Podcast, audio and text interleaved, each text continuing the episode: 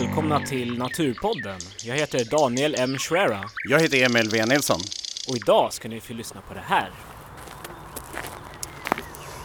Hallå! Eh, Det är Emil här. Idag var tanken att vi skulle leta efter större vattensalamander någonstans här. Och jag väntar på att Bea, Beatrice Lindgren ska komma. En kollega till mig på Biotopia. Som också är expert på groddjur. Det ser ju inte så här jättespeciellt ut här. Det ligger några gamla ensilagebalar och en... några eldtunnor här borta. Något annat bröte. Vi ska visst leta i något dike. Hon bara kommer.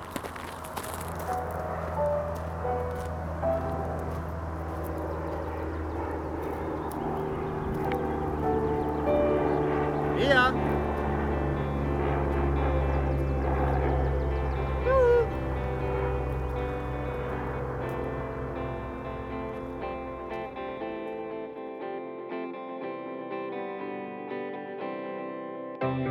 Spännande va? Ja, det låter väldigt eh, intressant måste jag säga. Ja, det är ett märkligt område det här med liksom schaktmassor de har dratt ut och så står det någon liksom bil som ser halvskrutt ut parkerad på ett ställe och någon hög med skrot på ett annat ställe och ensilagebalar och eldtunna och det är liksom en rektangel inbyggd i skogen det här, ett öppet område och så Aha. ligger det här diket i ena kanten. Det är där vi ska gå och leta efter salamandrarna.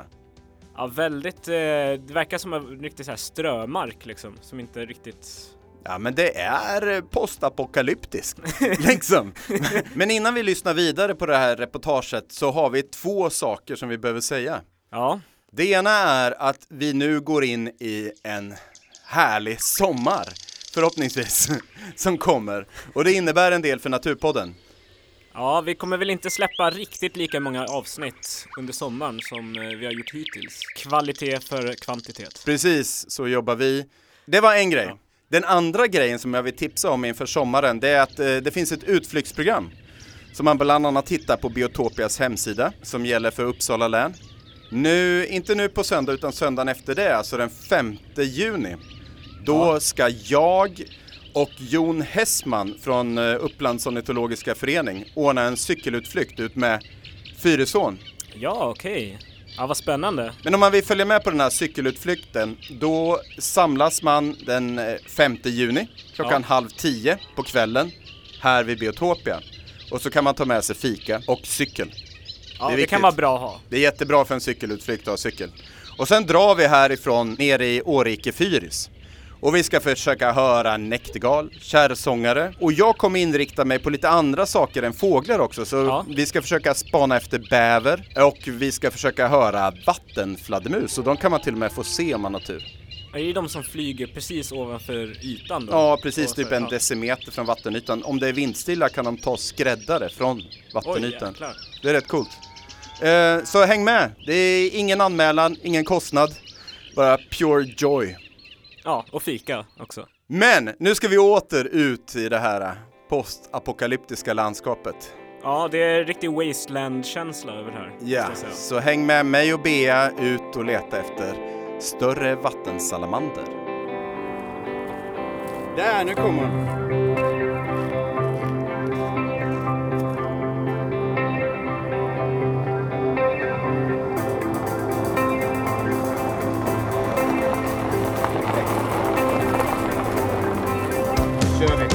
Okej. Tjena. Vad gör vi på det här? eh? Det här känns lite postapokalyptiskt det här stället. För det första, liksom, vad är det för någonting? Är det en groda eller en ödla?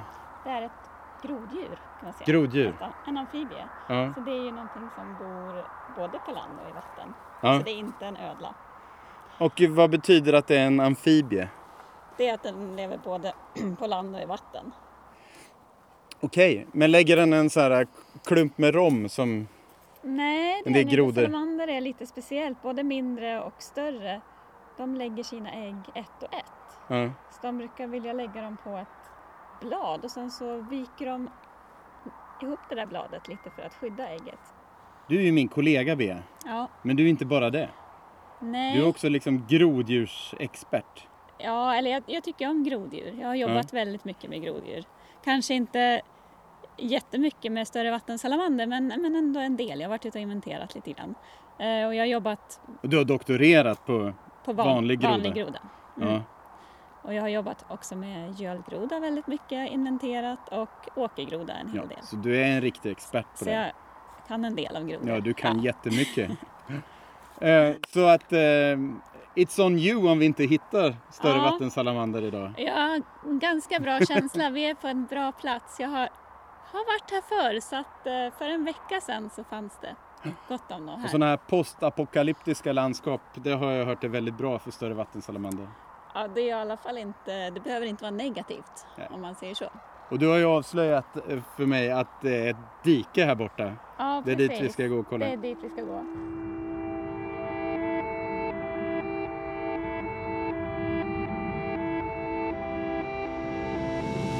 Jag tänkte att vi går ner här så följer vi här. Okej, så det är diket här i kanten? Ja, så- det är diket här i kanten. Ja. Så här såg vi gott om hannar och honor för ungefär en vecka sedan.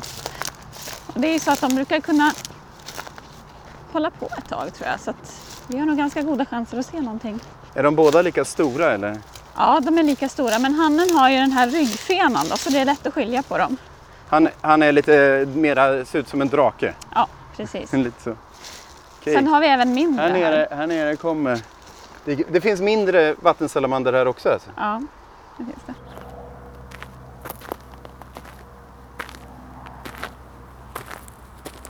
Oj, där var någon... Det var något stort men det, det gick väldigt... Det är nästan så att det kunde varit eh, en dykare. Ja, men det kan det vara. Det finns mycket, Ja. mycket djur här.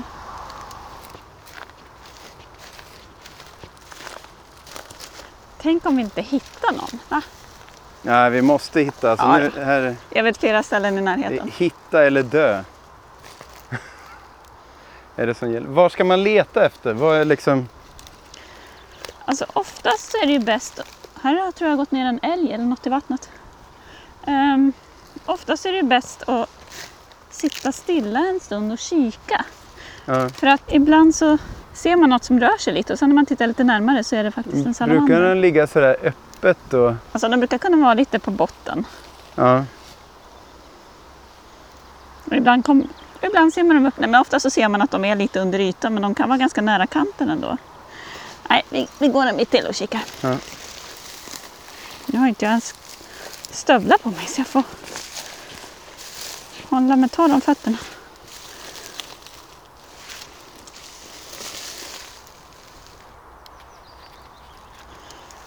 Det är bra att vi får leta lite, då blir vi mycket gladare när vi får se dem sen. Mm.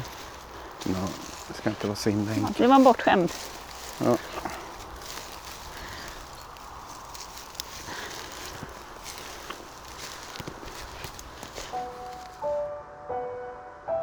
Det man har hört eh, om eh, större vattensalamander det är att den är jättesällsynt.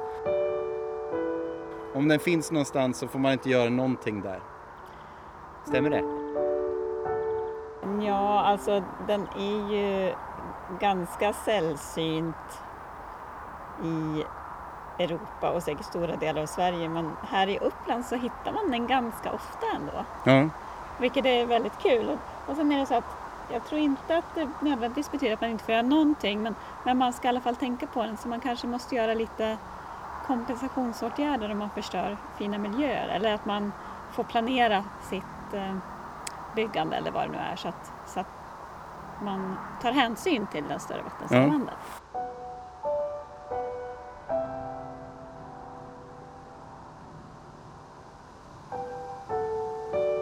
Oh, kolla vilken! Stor Körspindel. Åh, vilken fin! Den var riktigt snygg. Här är en. Nej. Nej. Nej, det var en pinne. Ja, nej, men det är sådär hela tiden. Man bara, Nej, vänta, den hade inga ben. Ja, nej men det brukar ju, med nästan allt man spanar efter så brukar det inte ge sig förrän man verkligen ser något eller hör något. Liksom.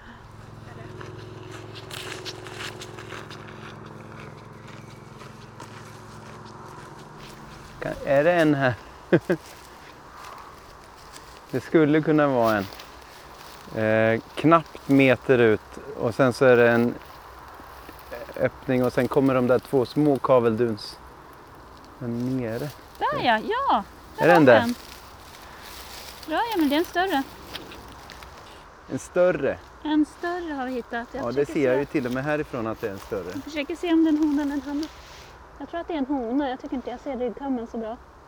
Ja, den är betydligt större än den mindre. Ja, den är ganska mycket. Alltså man ser ju... Det är lätt att skilja dem åt helt enkelt. Tror du en, är det en hona? Det där, jag tror det är en hona. Jag, jag kan inte riktigt se ryggkammen. Så i alla fall. Och de har ganska kraftig ryggkam, har de inte? Hannarna ja. Mm. De har ju jättestor ryggkam. Och sen kan man, en annan sak som man kan skilja mindre och större åt det är för att mindre har som en ovbruten ryggkam ända ner till stjärtspetsen. Ja, Medan större har som ett litet hack där stjärten börjar kan man okej. säga. Men inte för att vara sån alltså, men det känns ju som om vi hittat en hona då borde vi... Då borde det finnas några hannar. Ja, Känns det med de flesta andra så här års. grodarter. Men det är liksom nu de, de parar sig. Ja, precis. Det har pågått i några veckor kanske, men de, man, de brukar hålla på någon månad sådär, att man fortfarande kan se dem. Det är inte som grodor när man kommer dit en natt för sent och ser allting klart. Nej.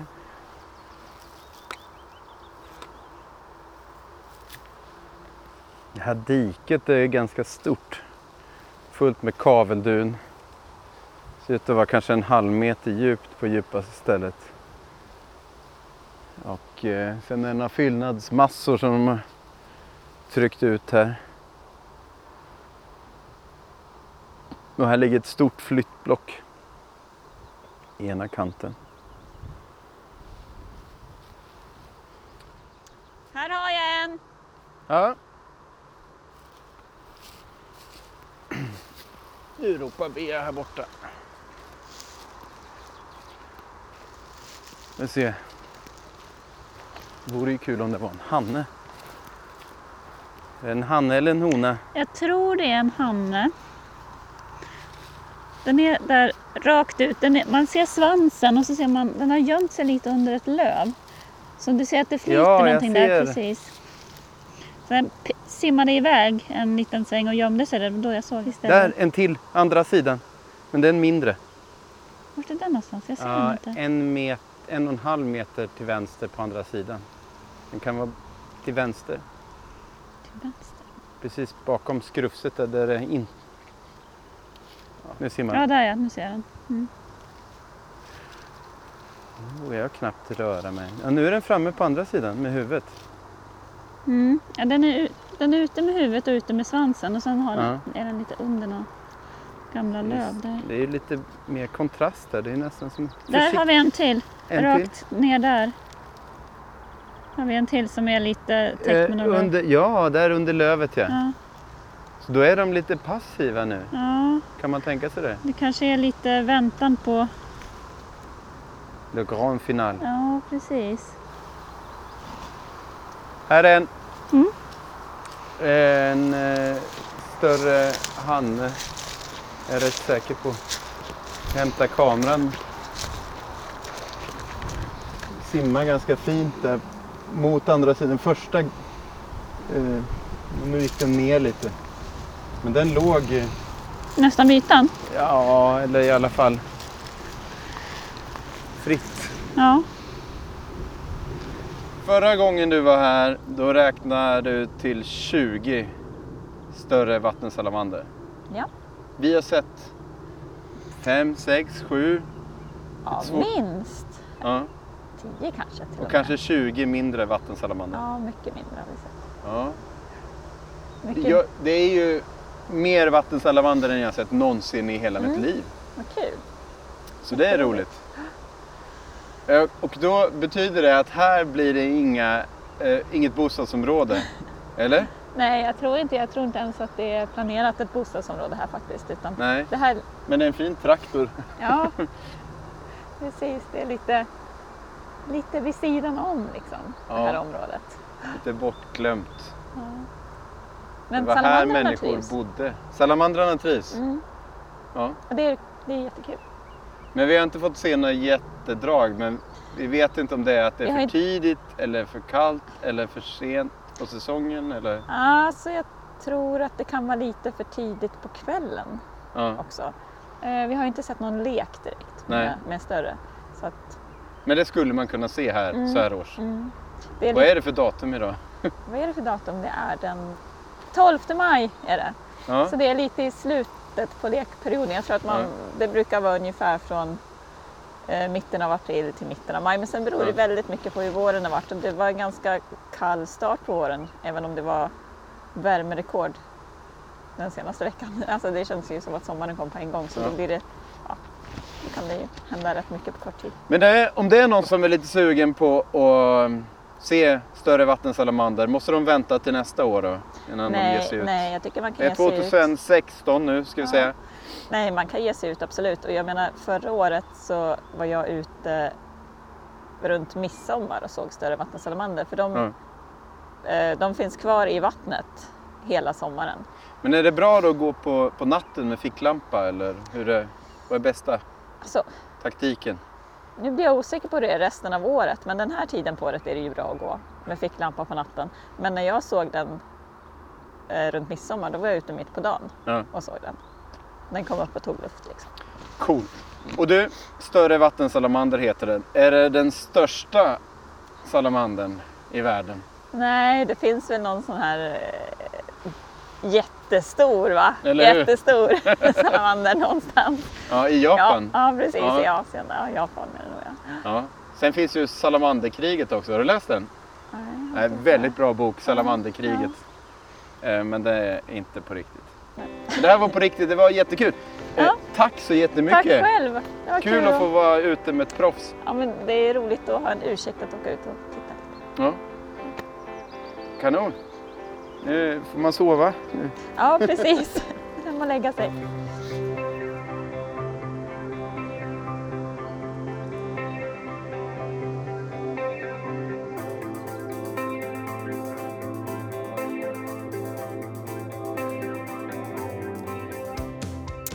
Sådär Danny! Ja, ni, ni fick ju se ganska många salamandrar ändå. Ja, till slut så kunde jag inte riktigt hålla reda på det, men Bea som är lite vanare med att hålla på med sådana inventeringar, hon, hon trodde att vi såg ungefär 10 stycken. Ja. Men, men hur länge var ni ute då?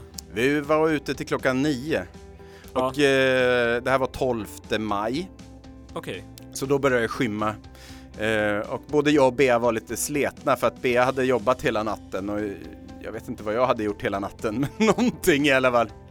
Ja, men man- det är ju standard för en eh, postapokalyptisk värld, eller hur? Ja, Man precis. måste ju vara lite sliten. Jag stack faktiskt ut och spanade efter lodjur efteråt. Ja, Men du, det är vägg i vägg för dig alltså. Ja. ja, jo men det där är ganska nära. Men sen när det gäller det här större vattensalamander och hur mycket hänsyn man tar till större vattensalamander i samhället så eh, tänkte vi att vi skulle ta reda på hur det verkligen ligger till. Ja.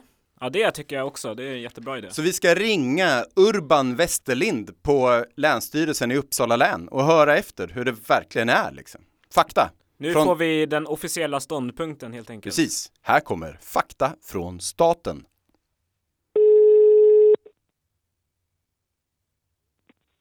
Ja, Urban Westerlind. Ja, hejsan, det var Emil V. Nilsson här från Naturpodden. Nu har jag satt mig till rätta i ett rum och försöker koppla in datorn. Så ifall jag behöver titta in lite i artskyddsförordningen och sådär tänkte jag. Okej, jag var lite snabb där kanske. Det vi undrar, det är ju vad det är som gäller egentligen med artskydd och eh, större vattensalamander. Det finns ju lite olika skydd, det här som kallas artskydd. Ja, Det finns något som heter artskyddsförordningen som har en förordning som hör ihop med miljöbalken. Som skyddar djur och växter och annat levande. ja, Och så, I den finns det olika paragrafer som har lite olika styrka eller vad man ska säga. Och- Och större vattensalamander pratar man ju ofta om. ja. För den hör till den här paragraf 4 som är, har lite mer tyngd kan man säga. För den skyddar även miljön. Och vilka andra arter är det som ligger där under paragraf 4 tillsammans med den större vattensalamandern? Ja, vad ska vi hitta på? Det finns ju andra groddjur. Åkergrodan faktiskt. Ja. Det kan man ju tycka är kon- konstigt, en som vanlig art. Och sen tror jag de här ovanligare eh, grodorna, gödgrodan har vi Ja. här i länet. Ja. Okej, och och här... orkidé, det finns väl- orkidé, då har vi guckusko och gulyxne. Ja. Och vad innebär det då att de hamnar i den här paragraf 4? Vad, vad Ja, då- medföljer det för ålägganden liksom? Eller vad man ska, åtaganden? Då står det fyra punkter i den. Det är att man inte får avsiktligt fånga eller döda djur. Ja. Man får inte avsiktligt störa djuren, särskilt under djurens parnings, uppfödnings och övervintrings eller flyttningsperioder. Ja. Man får inte avsiktligt förstöra eller samla in ägg i naturen. Och fjärde punkten, man får inte skada eller förstöra djurens fortplantningsområden eller viloplatser. Nej. Så det är där man, miljön kommer in där, djurens miljö. Och det beror på att den här paragrafen liksom har, kommer på grund av att det finns något som heter art och habitatdirektivet och fågel, fågeldirektivet. Det är på EU-nivå Eh, de kommer ifrån? Ja, Ja. som man liksom har implementerat i svenska lagstiftningen här. Ja, just det. Så, så att alla fåglar ingår i den här paragraf 4. Hur väl rimmar det med praxis då? Om man tar, jag vet att det är en känslig fråga, men alltså skogsbruket till exempel. Om, Ja, man, om man då eh, kalavverkar skog under häckningstid. ja, det där är ju ett problem. Alltså, Naturvårdsverket och Skogsstyrelsen har haft ett projekt för att försöka reda ut det här, men det, det är inte så lätt alltså. Nej. Men man landar väl ungefär i det här att eh, så länge det inte hotar någon art så säger man att det är okej. Ja. För det är ändå ett art, handlar om artskydd, inte om individskydd direkt. Så att om någon, jag tror, jag tror man tänker så här att om någon häckande fågel skulle stryka med så är det inte avsiktligt när det är skogsbruk. För det är så det står i den här paragraf 4, att man får inte avsiktligt fånga eller döda djur. Nej, precis. Och det är därför man inte får avverka på tjäderspelsplatser som är kända då, för att det är också en viktig del i, i, i fågelns reproduktion där. Ja, och känner man till den så är det avsiktligt och, och sen är det dess, Ja. Är det, om man inte det känner, det man inte vet kan man ju inte veta. Nej, men sen är det dessutom dess fortplantningsområde då. Ja. Där och då, just punkt 4, där står det inte avsiktligt faktiskt, utan där står det att man inte får Nej, okej. Ja. förstöra området. Ja, och det betyder ju alltså för den större vattensalamandern, om vi kommer tillbaka dit, att om man har en damm med större vattensalamander, då kan man inte bara tänka att där ska man bygga ett hus. Nej, Då kommer man aldrig få tillstånd för det.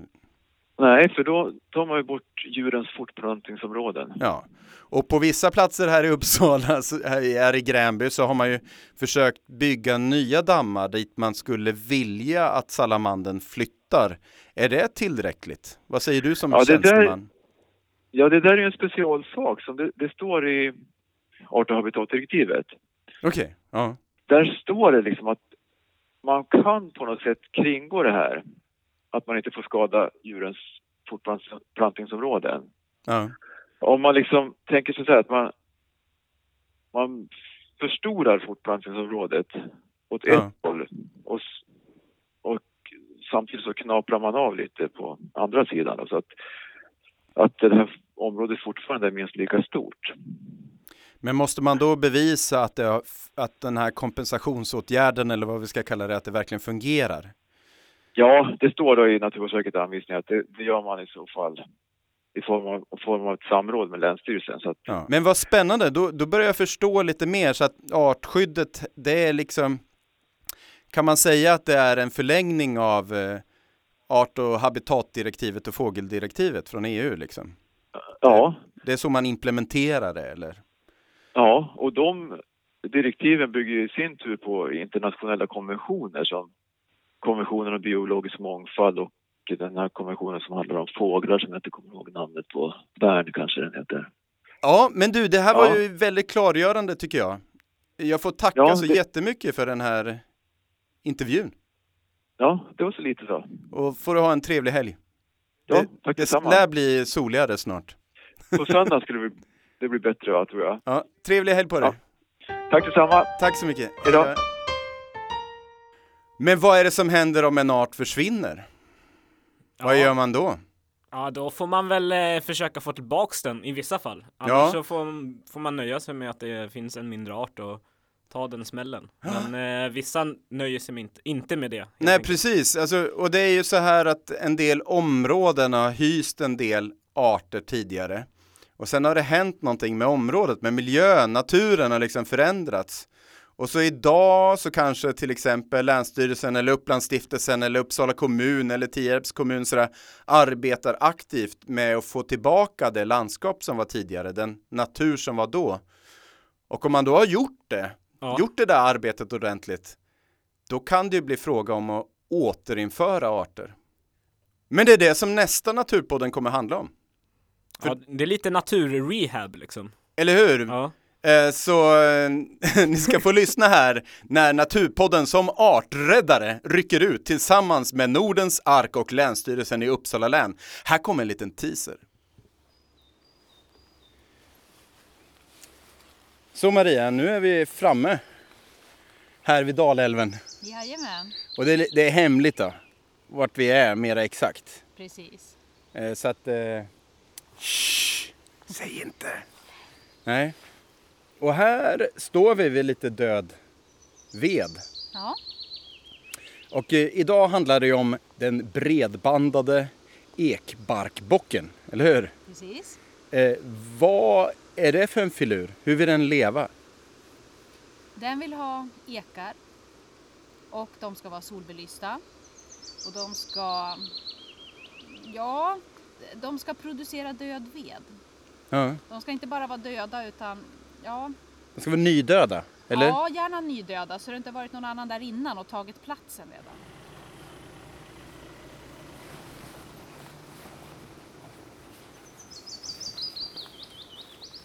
Hallå? Flera stycken, det bara ramla ut folk. Men får vara. Hej, Emil. Hej Emil, Jimmy. Hej Maria. Hallå, hallå. Long time no see. Ursäkta att jag är sen.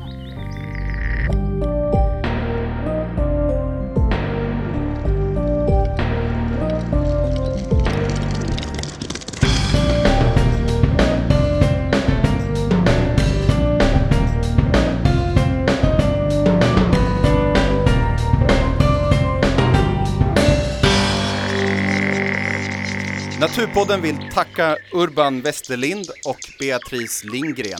Glöm inte att Naturpodden finns på Facebook, Instagram och Twitter. Kontakta oss gärna på naturpodden at gmail.com. Vi vill höra vad du tycker. Skicka gärna in någonting också. Ja. Inte spam då, men alltså något vettigt. Inte en häst, det är för stort.